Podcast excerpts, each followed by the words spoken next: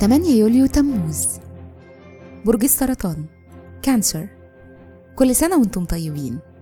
الصفات العامة للبرج الحنون الراعي الحاضن صاحب البصيرة المستشار والمدافع. الكوكب الحاكم القمر. العنصر المية.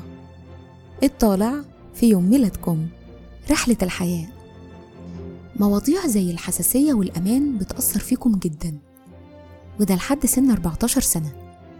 بعدها بتزيد ثقتكم في نفسكم وده لحد سن 44 سنة. اللي بتزيد فيه فعاليتكم وإمكانياتكم وقدراتكم التنظيمية. الشخصية بتتعلموا في الحياة إن أحاسيسكم مهمة زيها زي احتياجات الآخرين وثقتكم في نفسكم بتزيد مع الوقت. مهارة العمل علشان أنتم اجتماعيين جدا فبتناسبكم الوظائف اللي ليها علاقة بالناس.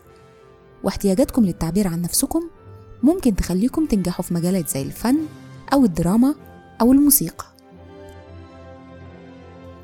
تأثير رقم يوم الميلاد. رقم 8 عادة بيدل على إنكم طموحين. ومن تأثيراته عليكم كمان إنكم دايما عندكم رغبة تكونوا مسيطرين وآمنين وناجحين ماديا.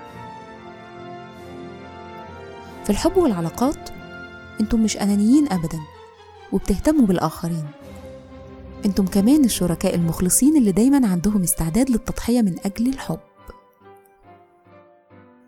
بيشارككم في عيد ميلادكم الكاتب الفرنسي جان دولا فونتين العالم النفساني ألفريد بينيه وضع أول اختبار ذكاء والفيلسوف الألماني إرنست بلوخ.